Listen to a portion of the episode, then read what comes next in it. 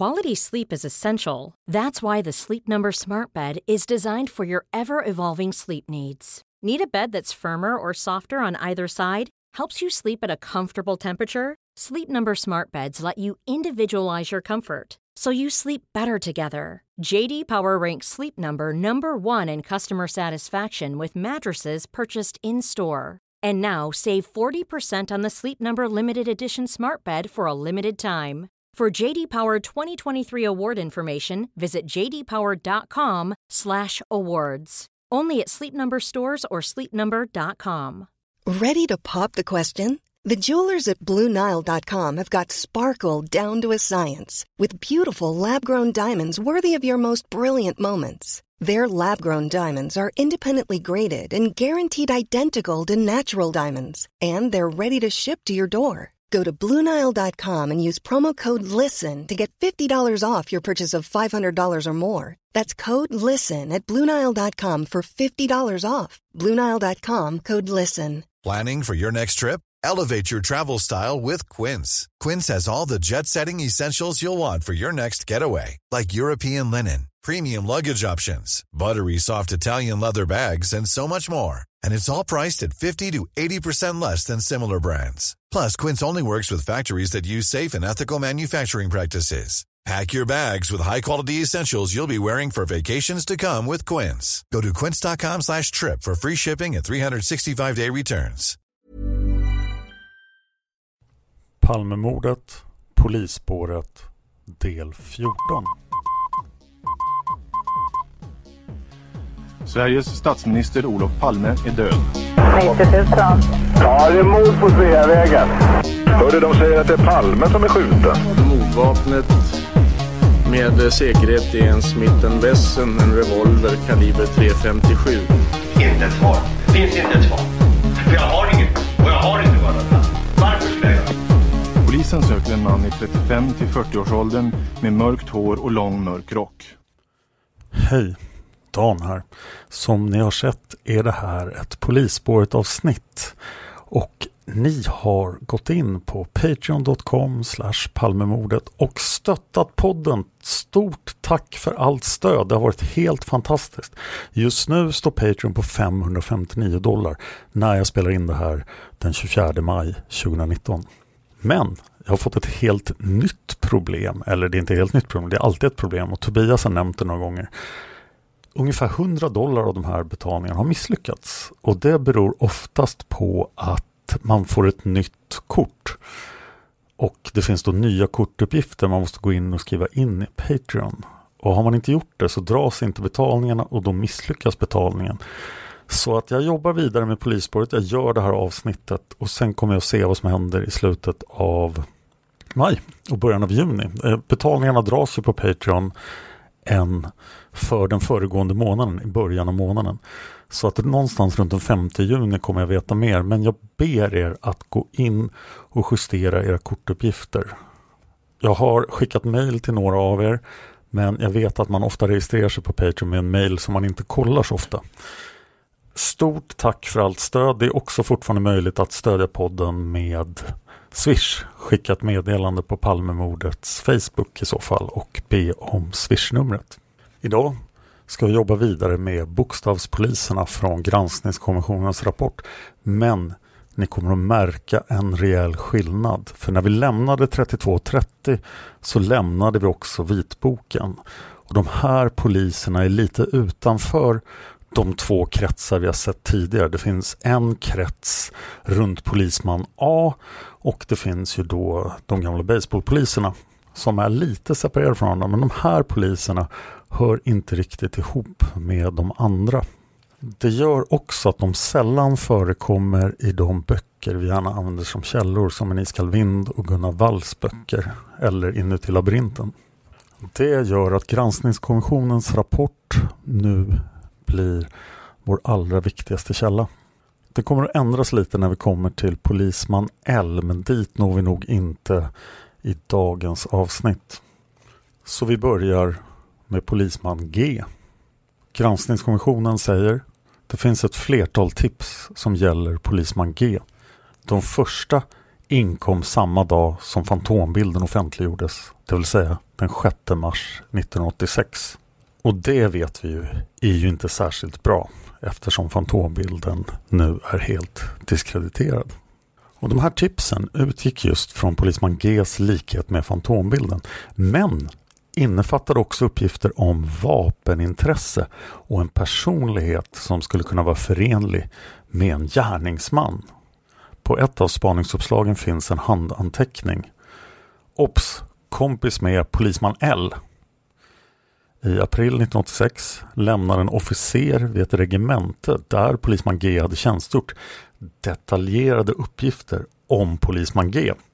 Han sa att polisman G var mycket lik fantombilden och var i övrigt en mycket sannolik gärningsman. Bland annat mot bakgrund av hans skicklighet med vapen och hans attityd. I ett underuppslag från mars 1992 finns ett samtal med en läkare antecknat.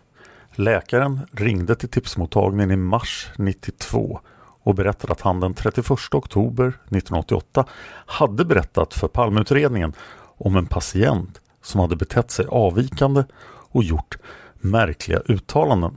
Och patienten var polisman G. Polisman G hade vid tre tillfällen under 1988 vårdats på en narkomanvårdsavdelning där personer tas in för korttidsbehandling och avgiftning. Läkaren förde vidare uppgifter från personalen vid avdelning. Polisman G hade varit medicinberoende. Beroendet skulle, uppgav läkaren enligt polisman Gs egna uppgifter, ha uppkommit 1985 när polisman G återkom från Främlingslegionen. Och för er som inte vet vad Främlingslegionen är så är det nog värt att ge en kort definition. Jag kan inte uttala det franska namnet så jag kommer fortsätta kalla det Främlingslegionen. Det är en fullständigt unik enhet. Den är separerad från den vanliga franska armén och den etablerades 1831. Den har varit med ett tag. Främlingslegionen, idag känd som en militär elitkår vars utbildning fokuserar inte bara på traditionella militära färdigheter utan också på den starka moralen som legionärerna förväntas efterleva. Eftersom rekryterna kommer från olika länder med olika kulturer är det här en brett accepterad lösning, alltså den starka moralen, för att stärka gruppen. På grund av allt det här beskrivs utbildningen som inte bara fysiskt ansträngande utan också psykiskt utmanande med strikt disciplin. Omkring 500 svenskar har tjänstgjort i Främlingslegionen. Det finns en berömd skildring av en Harry Forsberg som var med 1936 till 45. Det vill säga under andra världskriget. Idag är ungefär 7700 man verksamma i legionen. Högkvarteret ligger i Marseille och eh, det har öppet 24 timmar om dygnet för värvning av frivilliga. Vi kommer tillbaka till legionen för vi har anledning att misstro polisman Gs uppgifter. I uppslaget finns även följande antecknat. I anslutning till uppgiften att läkaren hade varit i kontakt med Palmeutredningen redan 88. Alltså han påminner ju dem nu fyra år senare. Och där står det citat då från själva uppslaget. Det överenkoms vid det tillfället att polis skulle besöka läkaren på hans arbetsplats för att erhålla mer fullständiga uppgifter. I nära anslutning till detta samtal kom utredningen om mordet på Olof Palme att koncentreras till den tidigare misstänkte Christer Pettersson varför något besök av polis ej blev aktuellt eller i vart fall skjutet på framtiden. Polisman G ska också ha gjort ett antal anmärkningsvärda uttalanden som hade väckt sjukhuspersonalens uppmärksamhet. Han ska bland annat ha sagt följande. Skjuta någon på en meters avstånd är som att använda knark. Man vill göra om det. Polisman G hade uttryckt i ett allmänt kommunisthat. Han hade sagt sig känna Viktor Gunnarsson han påstår att han förekom i dennes anteckningsbok, att han hade förhörts i Palmeutredningen. Det är alltså saker som polisman G säger till sjukvårdspersonalen. Han säger att han skyddades av polisbefäl, att han ständigt gick beväpnad med minst två knivar och en pistol samt att han ibland sov med sitt tjänstevapen under huvudkudden. Det hände inte jättemycket efter det här, men i april 1994 inkom ett nytt tips från sjukvården. Den här gången från en psykolog som arbetade vid samma sjukhus som den nämnde läkaren. Uppgiftslämnaren ansåg att polisman G hade en personlighetsprofil som passade in på en gärningsmans och ställde en från den utgångspunkten relativt detaljerad diagnos på polisman G. Strax dessförinnan finns registrerat ett tips om polisman G som återigen hänför sig till dennes likhet med fantombilden. Bilder på polisman G bifogades. Hey, I'm Ryan Reynolds. Recently, I asked Mint Mobile's legal team if big wireless companies are allowed to raise prices due to inflation. They said yes. And then when I asked if raising prices technically violates those onerous two-year contracts, they said, "What the f*** are you talking about? You insane Hollywood ass." So to recap, we're cutting the price of Mint Unlimited from $30 a month to just $15 a month. Give it a try at mintmobile.com slash switch. $45 up front for three months plus taxes and fees. Promo for new customers for limited time. Unlimited more than 40 gigabytes per month. Slows. Full terms at mintmobile.com.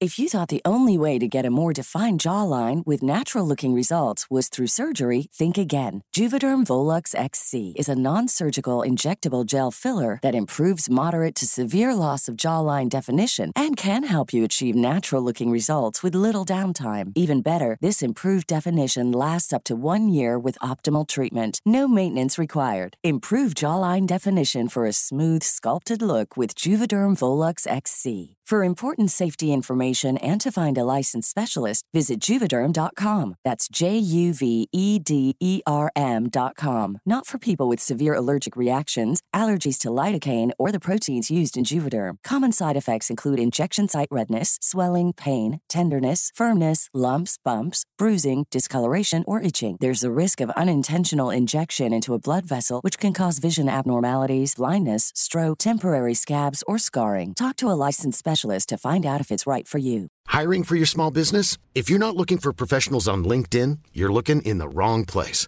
That's like looking for your car keys in a fish tank.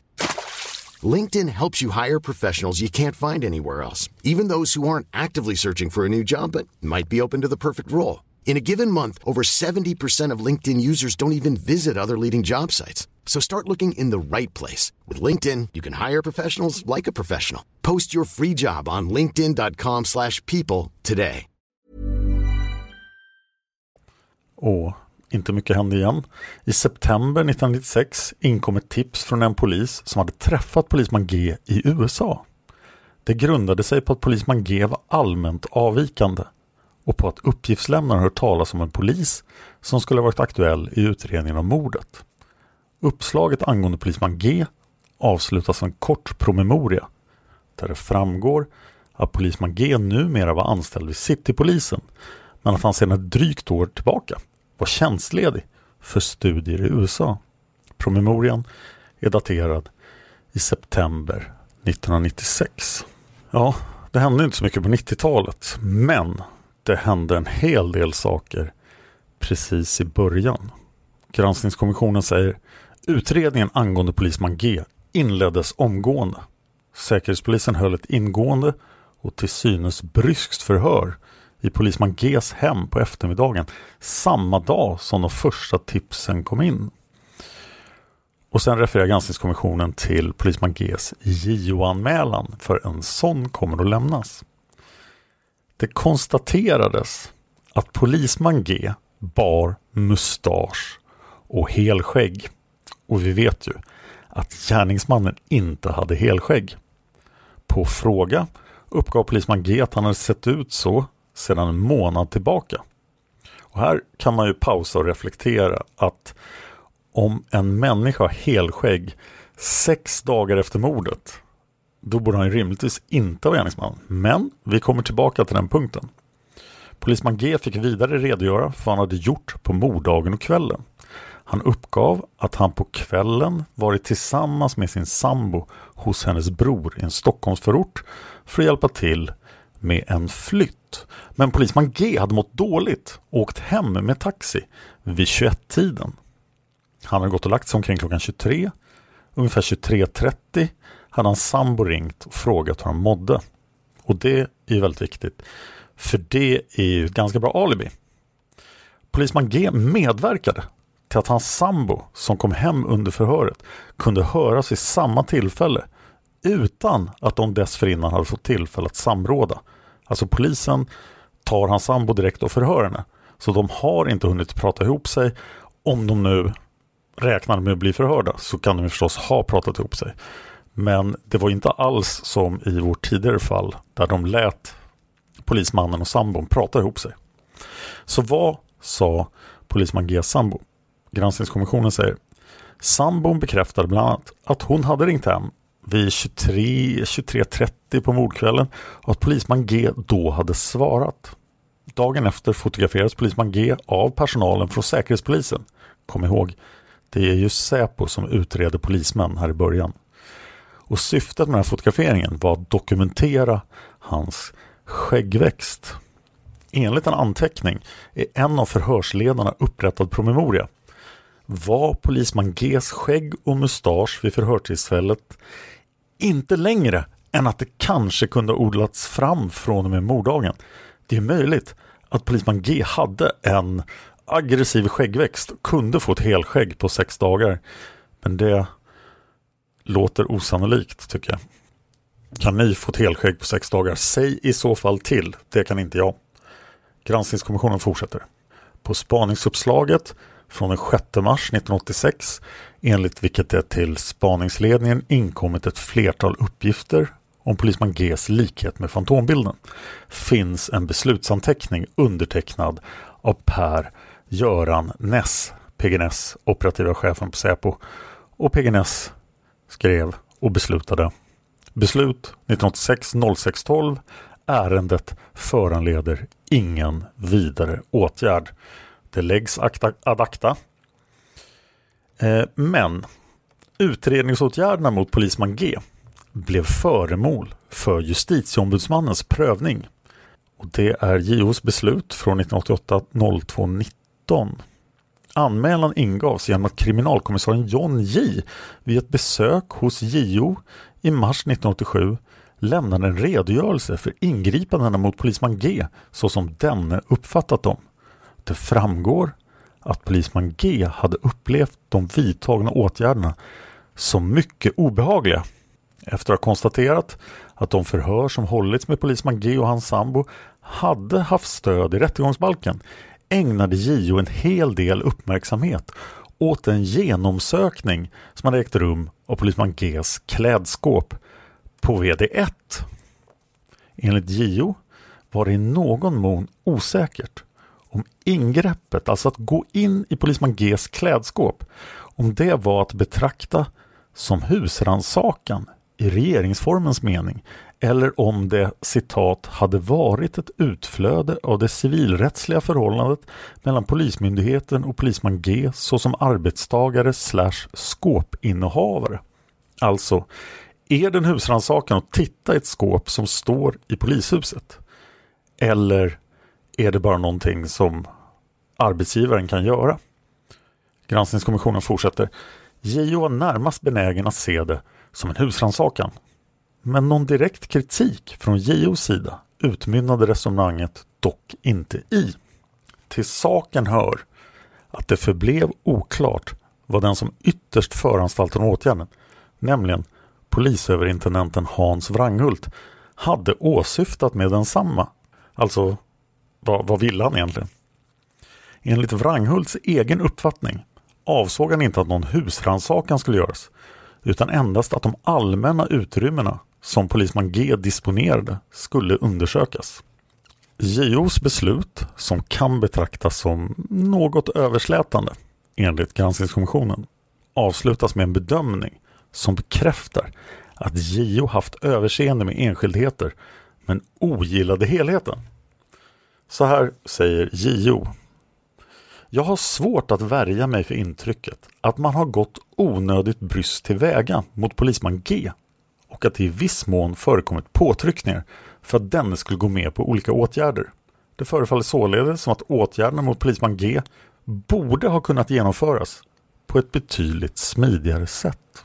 Granskningskommissionen avslutar hela sitt väldigt långa stycke om polisspåret med att försöka utvärdera utredningsåtgärderna.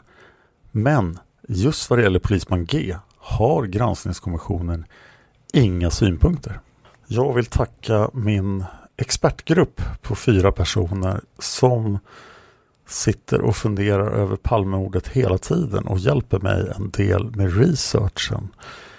De har hittat polisman Gs eh, deklarationer och eh, lönespesar.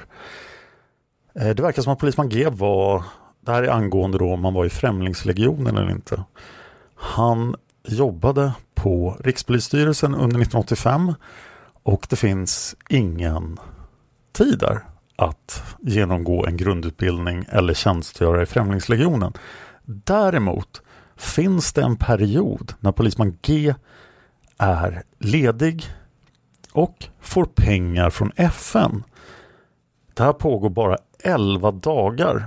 Men det är möjligt, eftersom det här händer 1985, att han utför något slags polisiärt eller militärt uppdrag för FN under några former och där då skadar sig och blir medicinberoende. Så att det kanske är just bara detaljen om Främlingslegionen som är fel, men att historien i övrigt är korrekt.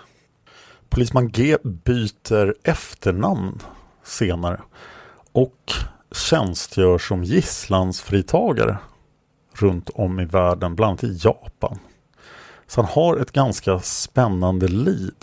Det verkar som att han dör den 22 september 2013 och bara är 58 år vid tillfället. Vi vet dock inte dödsorsaken. Har ni några fler uppgifter om polisman G med bra och säkra källor så vill jag gärna ha dem. Polisman H och polisman I har vi redan tagit upp i det första avsnittet av Polisspåret. Väldigt kort och Polisman H finns det nästan ingenting på. Han har en revolver. Det visar sig att han har licens för en Smith Wesson 357 Magnum. Det provskjuts med den här revolvern men eh, det går inte jättebra så provskjutningen genomförs flera gånger. Men det finns ingenting mer på Polisman H. Polisman I var med även i avsnitten om Polisman B. Det är han som håller, eller som kanske höll det här talet på polisfesten den första mars. Det är också han som skickar ut poliser till Polisman E's läckande lägenhet. Det är också Polisman I som är med om den där märkliga fylleincidenten där han ska ha sagt Fanskapet klarar sig ikväll men nästa gång tar vi honom. Det är Palme vi är ute efter. Den där jävla sossen har förstört hela samhället. Och Hitler var ett fenomen. Men mer om det i avsnitt 1. För vi har kommit fram till polisman J. Granskningskommissionen har följande att berätta.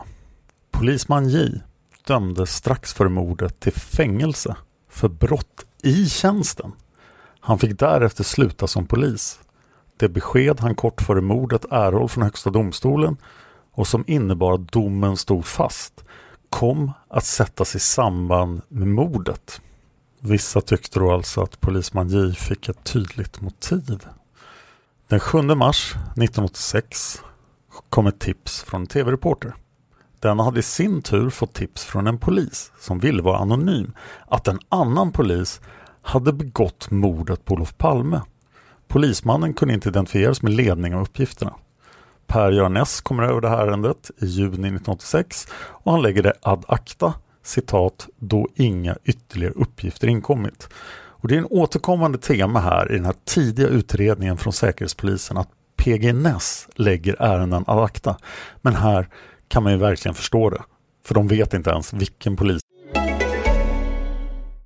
Hallå allihopa, det här är Jonas, Lukas och Karl från podden Mellan himmel och jord. Exakt, och just nu så gör vi ett samarbete med streamingtjänsten HBO Nordic. En plats fylld av fantastiska berättelser som förändrar människor. Och ibland eh, så har de förändrat oss. Ja men precis, och det här är ju starka berättelser och våra absoluta favoritserier och filmer kan du streama på hbonordic.com. Hej på er. Hej då. Hej hej. Till dig som beställt ett munspel. Som det visar sig att du har en otrolig talang för. Så till den milda grad att din granne som jobbar på skivbolag hör dig och skriver ett enormt skivkontrakt med fyra album och en världsturné och där dina låtar släpps över hela världen och har över 300 miljoner lyssningar på Spotify på en dag och... Eller man vet ju aldrig. Men nu är i alla fall ett av Postnords 122 miljoner viktigaste paket på väg till dig. Polisman det här avser. Men i efterhand står det klart att det var polisman J som åsyftades, men det gick alltså inte att få fram vid denna tid.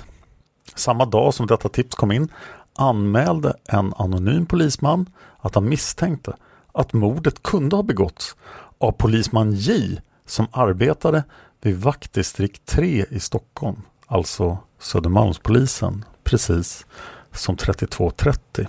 Granskningskommissionen fortsätter. Polisman J skulle morddagen eller dagen innan ha fått en dom på fyra månaders fängelse fastslagen. I väntan på domen skulle polisman J vidare ha uttalat citat Någonting stort kommer att hända. Den 9 mars 1986 kom ett anonymt tips om att två polismän åhörts säga att polisman J var mördaren. Den 24 mars 1986 inkom ännu ett anonymt tips angående en polisman som morddagen eller dagen innan fått avslag på sin ansökan om prövningstillstånd i ett mål där han hade dömts för brott. Polismannen namngavs inte men tipset borde mycket väl kunna avse polisman J. I september 1986 hördes polisman J. Han uppgav att han hade varit hemma på mordkvällen. I omedelbar anslutning till förhöret hördes Kristoffer M som uppgav att polisman J hade varit hemma på mordkvällen och natten.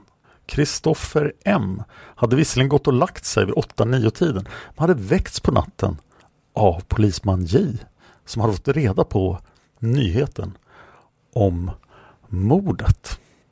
Ja, vad hade då polisman J dömts för? Granskningskommissionen säger Utredningen utvisade att polisman J 1985 dömdes till fyra månaders fängelse för olaga frihetsberövande, falsk tillvitelse och myndighetsmissbruk. Olaga frihetsberövande och myndighetsmissbruk kan ju vara begripligt, men falsk tillvitelse det är då enligt Wikipedia en variant av falsk anklagelse i Sverige, vilket är en brott enligt brottsbalkens 15 kapitels sjunde paragraf. Den som utan riktiga grunder anmäler annan för brott hos polismyndighet eller annan myndighet kan dömas upp till två års fängelse. Eller om brottet är ringa till böter eller fängelse högst sex månader. Likaså om man förnekar friande eller mildrande omständighet vad gäller annan person som myndigheten har att upptaga allmän i sån sak. Även i andra länder, till exempel USA, finns det här brottet. Granskningskommissionen fortsätter. Polisman J var långtidssjukskriven från den 16 januari 1986 till den 19 mars 1986 och slutade därefter formellt som polis. Han var alltså inte i tjänst morddagen, vilket han ju har gemensamt med de flesta polismännen i polisspåret. Polisman J förekom inte i vapenregistret. I september 1986 skriver Per-Göran S av ärendet igen med motiveringen, ja han vet ju inte att det var samma ärende som förra gången, men han skriver av det här ärendet också. Citat föranleder ej vidare åtgärd då verkställd utredning visat att polisman J ej kan ha haft med gärningen att skaffa.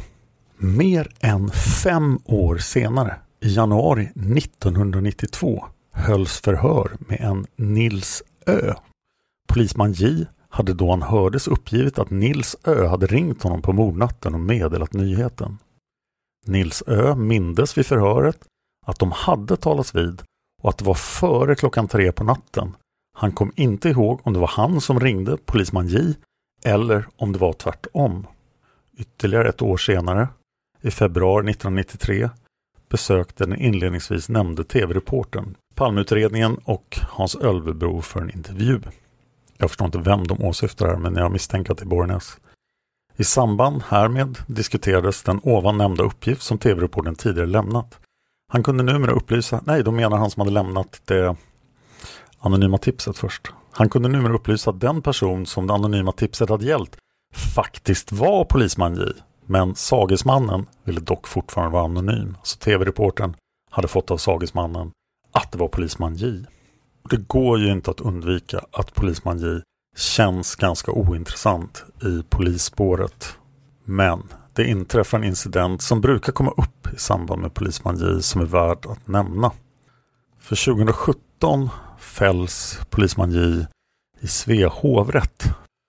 I domen står det att saken är trolöshet mot huvudman med mera. Hovrättens domslut, jag läser nu alltså från själva domen. Hovrätten ändrar på så sätt tingsrätten dom i ansvarsdelen att hovrätten dömer polisman J för mutbrott enligt 20 kapitlet andra paragrafen första stycket sista meningen brottsbalken även avseende åtalspunkterna 2, 5 och 17 i tingsrättens domsbilaga 4. Han får betala rättegångskostnader på 375 000 till då ett aktiebolag. Och dessutom ytterligare 100 000 för ombudsarvode. Hans advokat i den här rättegången är Leif Silbersky. Han får givetvis en, en ersättning också. Jag hoppar lite till sid 5. Det är yrkanden i hovrätten. Åklagaren har yrkat att hovrätten ska fälla polisman J till ansvar även avseende åtalspunkterna 2. Köpenhamnsresa 4. Silja Line-kryssning 5. Osloresa och 17 taxiresor. Allt i tingsrättens domsbilaga 4 samt skärpa straffet. Åklagaren hävdar också att den totala ekonomiska skadan för bolaget är 6,3 miljoner kronor. Där står också dels förklarat sig alltjämt alternativt göra gällande att polisman J ska dömas för medhjälp till grovt bedrägeri enligt åtalspunkten 1. På åtalspunkten 2 anser då hovrätten att förmånen har varit otillbörlig och polisman J ska således dömas för mutbrott i enlighet med åklagarens gärningsbeskrivning. Åtalspunkt 3, en resa till Hongkong och Singapore, det är också ett mutbrott enligt hovrätten. Åtalspunkt 5, resa Otto, Oslo, mutbrott i enlighet med åklagarens yrkande. Åtalspunkt 17 är taxiresor. Där konstaterar man bland annat att en resa påbörjas klockan 08.34 lördagsmorgon och gått från polisman Js bostadsadress till Norrtälje i vilken trakt polisman J har en sommarstuga. Vi ska inte fördjupa oss ytterligare i den här domen men den finns och den förekommer ibland i resonemang runt polisman J. Och som sagt i slutet av granskningskommissionens stycke om polisspåret så granskar de Palmeutredningen och där säger de substansen i ingångstipset angående polisman J vad den hade upplevt sig illa behandlad skulle vara kapabel till dådet och att det avslagna prövningstillståndet kunde ha utlöst mordet. Det får betraktas som ett i och för sig intressant tips och det har också utretts på ett rimligt sätt. Kristoffer M's uppgifter talar starkt mot att polisman J skulle kunna vara gärningsmannen. Och PGNS Ness beslut i september 1986 att lägga ärendet ad acta ter sig rimligt. Alibikontrollen fördjupades därefter. Den kontrollen är visserligen sen, men den kan inte betraktas som avgörande för bedömningen av uppslaget. Att palmutredningen, som i detta fall gjort en sista kontroll, troligen i samband med en förnyad genomgång av ärendet, bör inte vändas emot utredarna. Vi har kommit fram till dagens sista polisman, Polisman K. Och här har vi faktiskt lite uppgifter från mörkläggning och en iskall vind. Men vi börjar med granskningskommissionen. Polisman K hade en chefsbefattning inom polisen. Knappt ett och ett halvt år efter mordet, i juli 1987, inkom ett anonymt tips med signaturen PHT 652 till riksåklagaren. Det gällde polisman K med bland annat en uppgift om att denna hade haft mycket pengar det senaste året. Kort därefter kom ett nytt anonymt tips från samma signatur som utpekade polisman K som mördaren. Några månader därefter, i november 1987, daterade PG Ness en tjänsteanteckning. Citat. Ärendet föredraget för åklagare varvid på mitt förslag beslutats att inga åtgärder för närvarande ska vidtagas då uppgifterna om polisman K ej innehåller någon substans. Ytterligare kontakter avvaktas. Ungefär ett år efter det första tipset i juni 88 kom ett anonymt brev från PHT 652 om polisman K med bland annat följande uppgifter. Att han snokade i regeringskansliet före mordet och berättade att han höll på med en deckare om hur statsministern mördas. Tidigare skulle han ha klagat över dålig ekonomi men numera hade polisman K råd med vad som helst. Drygt två och ett halvt år efter det, i januari 91, hölls ett förhör med polisman K. Han hade själv begärt att få bli hörd eftersom han hade fått kännedom om att hans namn förekom i Palmeutredningen. Polisman K uppgav att han var politiskt ointresserad och att han hade uppfattat Olof Palme ungefär som han uppfattade alla andra politiker. Han redogjorde för sina ekonomiska förhållanden varvid framgick att han vid tiden kring mordet hade upptagit en del lån, anskaffat en del i en fastighet samt öppnat en affär tillsammans med sin hustru. Men hustrun hade sedan insjuknat och planerna hade gått om intet. Polisman K hade arbetat med försvarets beredskapsplanering kring bland annat regeringskansliet. Det gällde dock inte personskyddet eftersom det sköttes av Säkerhetspolisen. I det sammanhanget hade polisman K fått skissera ett scenario som bland annat innefattade att statsministern mördades.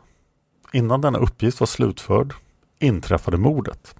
Uppdraget kom därefter att upplevas som olustigt och materialet förstördes. Ytterst få kände till dessa förhållanden. Det var tänkbart att polisman K någon gång hade yttrat sig på ett sådant sätt att det kunde missförstås som att han höll på med en deckare. Men det skulle i så fall ha varit efter mordet. Polisman K underströk att han inte hade haft någon insikt om statsministerns personskydd. Och det låter ju konstigt, tycker jag spontant, att han arbetade med försvarets beredskapsplanering, skrev på ett scenario som innefattade att statsministern mördades, men inte hade någon insikt om statsministerns personskydd. För Palmes brist på livvakter var ju ingen hemlighet. Polisman K förekommer väldigt kort i Gunnar Walls bok Mörkläggning. Det är nämligen han som tar emot de här, han lämnar över de här vapnen som polisman A har lyckats sälja till Palmeutredningen. Han vill inte ha dem kvar hos polisen utan han lämnar tillbaka dem till polisman A och det har jag tagit upp även i avsnittet om polisman A. Lars Borgnäs nämner kort incidenten om planen i en iskall vind. Det var en anonym tipsare som meddelade palmutredarna att en beredskapsplan hade varit under utarbetande och att det inom polisen varit överintendent polisman K som hade haft hand om det arbetet. När polisman K fick veta att tipset kommit in kontaktade han utredarna och berättade om planen. Då hade han dock redan förstört utkastet. Det hade han gjort direkt efter mordet sa han eftersom han blev så illa berörd av händelsen. Utgångspunkten för beredskapsplanen hade varit just att statsministern blev mördad. Nästa gång när vi kommer tillbaka till polisspåret ska vi berätta om polisman L och en väldigt märklig bilfärd. Men det är nästa gång det blir polisspår. Nästa vecka är Tobias tillbaka. Palmemordet finns på Facebook. Gå gärna in och likea där. Där kan ni prata med mig och Tobias. Och eh, om ni vill prata Palmemordet i allmänhet och diskutera olika spår och så vidare så har vi sällan tid att göra det. Men det görs, kan göras på flera ställen. Eh, på Flashback, på Palmerummet, på Facebook och i studio Palmemordet. Diskussionerna kan ibland vara hektiska de här diskussionsforumen så var beredda på det. Jag finns på Twitter som Dan Horning. Jag finns också på Facebook som Dan Hörning författare och poddar. Där kan ni följa alla mina poddar. Jag gör i dagsläget tio stycken poddar. Två av dem har inte släppts än. En har smygsläppts och den kan ni hitta på Youtube. Den heter Mördarpodden. I övrigt gör jag ju Seriemördarpodden, Seriemördarpodden Premium, Massmördarpodden, Dan Hörnings fantasyserie Mörkret där jag läser mina egna fantasyromaner. Jag gör också Isfolket-podden. Jag gör Hard Nerd Café och jag har en engelskspråkig podd kvar som har tagit ny fart. Jag har fått en ny medpoddare, Bernie Maupolski. Och tillsammans gör vi Fan of History där vi berättar världshistorien från år 1000 före Kristus och framåt. Och vi har nu kommit fram till 680-talet före Kristus. Och vi har just pratat om King Gyges och den grekiska expansionen i Medelhavet som ju fortsätter under 680-talet. Jag vill jättegärna ha iTunes-recensioner. Ni får gärna gå in på iTunes och skriva recensioner om ni använder en Apple-plattform för att lyssna på den här podden. Och anledningen att iTunes-recensioner är så mycket viktigare än alla andra recensioner som ni förstås också gärna får lämna är att iTunes ratear alla poddar i Sverige. Och iTunes-recensionerna påverkar då hur väl man syns på svenska iTunes och i topplistorna. Och det är därför vi tjatar om iTunes-recensioner. Vi läser också upp alla i podden som ni har märkt. Jag vill ge ett jättestort tack till alla som har sponsrat podden. Och det gör att Polisspåret förhoppningsvis kan fortsätta nu om vi lyckas lösa de här trasiga kreditkorten eller de kreditkorten som har bytts och kontokorten som har råkat gå ut. Så vet ni mer att ni inte är säkra på att era Patreon-betalningar går igenom, gå in på Patreon och kolla att det är ett aktuellt kort. Till sist vill jag komma med en fråga till er. Jag gör ju som sagt en hel del andra poddar och den största är helt överlägset Seriemördarpodden. Seriemördarpodden ligger hos Nent, Nordic Entertainment Group. De levererar podden, de säljer annonser på podden och de har även stått i tjänst med en poddstudio som används av flera av Sveriges stora poddar. Och dessutom har vi nu sedan avsnitt 114, Melvin Rees, The Sex Beast av Seriemördarpodden, har vi en ljudtekniker som jobbar helt med avsnittet. Så avsnittet blir inspelat i en riktig studio, det blir professionellt klippt, det får pålagt bakgrundsljud och i enstaka fall även specialeffekter. Det här har varit en väldigt stor förändring för Seriemördarpodden som tidigare gjordes precis som jag gör det här avsnittet. Men om ni lyssnar på Seriemördarpodden och har hört det här nya ljudet, är det någonting ni skulle vara intresserade av att ha här? Det är svårt för Tobias att göra det. Men jag skulle möjligtvis kunna ha en möjlighet att spela in avsnitt. Jag skulle definitivt kunna spela in till exempel panelavsnittet. Det närmaste planerade panelavsnittet är avsnitt 200. Och det har jag redan bokat en studio för. Om ni inte lyssnar på Seriemördarpodden, gå gärna in och lyssna på just avsnitt 114 och framåt som är ljudsatt av David Persson på Nent, en väldigt duktig ljudtekniker. För jag har ju då, ja, som sagt, möjligheten att göra det här också. Om inte annat kommer ni få höra det i panelavsnittet, avsnitt 200. Då har vi också möjlighet att vara fler än fyra i panelen och jag satsar preliminärt på att vi ska vara fem. Eh, innan panelavsnittet ska spelas in, det är alltså inte förrän i oktober 2019, då kommer det ut en frågetråd på Facebook så att ni kan lämna frågor. Huvudsyftet med panelavsnittet är att besvara era lyssnarfrågor och fundera runt om, precis som jag gjort i tidigare panelavsnitt. Förut har panelavsnitten varit väldigt svårklippta och väldigt svårbearbetade. Men nu är det inte längre fallet och för där kommer jag också använda en ljudtekniker från Nent.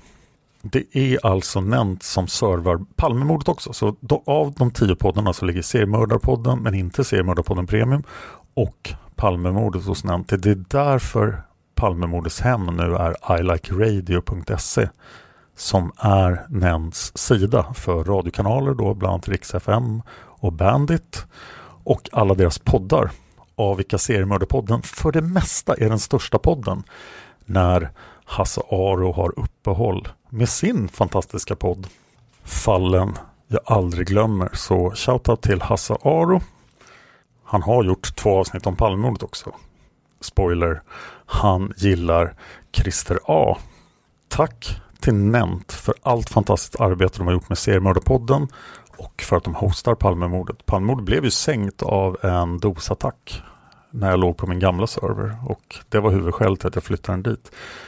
Förhoppningsvis kommer också Nent att kunna sälja annonser på Palmemordet och då får vi möjlighet att ta upp spår som Patreon inte riktigt räcker till för. Som till exempel just nu polisspåret då om vi inte löser det här med korten. Dekorima-mannen och Stay Behind. Tack till dig för att du lyssnar på Palmemordet. Man hittar Palmes mördare om man följer PKK-spåret till botten. Därför att ända sedan Julius Caesars tid har det aldrig hört talas om ett mord på en framstående politiker som inte haft politiska skäl. Polisens och åklagarens teori var att han ensam hade skjutit Olof Palme. Och det ledde också till rättegång. Men han frikändes i hovrätten. Nu ska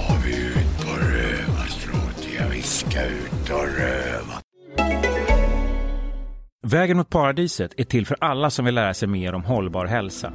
Jag heter Johannes Kullberg och är serieentreprenör och hållbarhetsaktivist.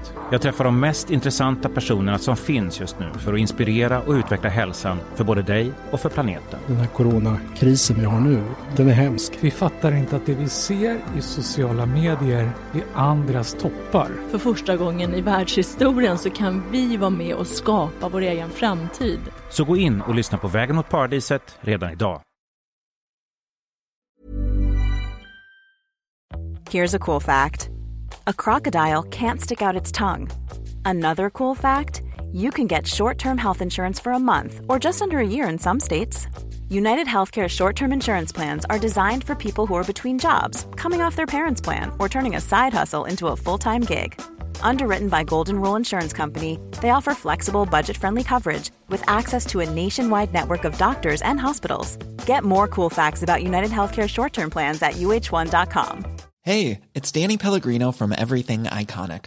Ready to upgrade your style game without blowing your budget? Check out Quince. They've got all the good stuff shirts and polos, activewear, and fine leather goods, all at 50 to 80% less than other high end brands. And the best part? They're all about safe, ethical, and responsible manufacturing. Get that luxury vibe without the luxury price tag. Hit up quince.com slash upgrade for free shipping and 365 day returns on your next order. That's quince.com slash upgrade. Planning for your next trip?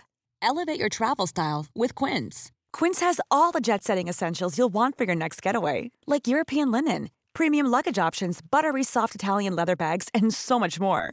And is all priced at 50 to 80% less than similar brands. Plus, Quince only works with factories that use safe and ethical manufacturing practices. Pack your bags with high-quality essentials you'll be wearing for vacations to come with Quince. Go to quince.com/pack for free shipping and 365-day returns.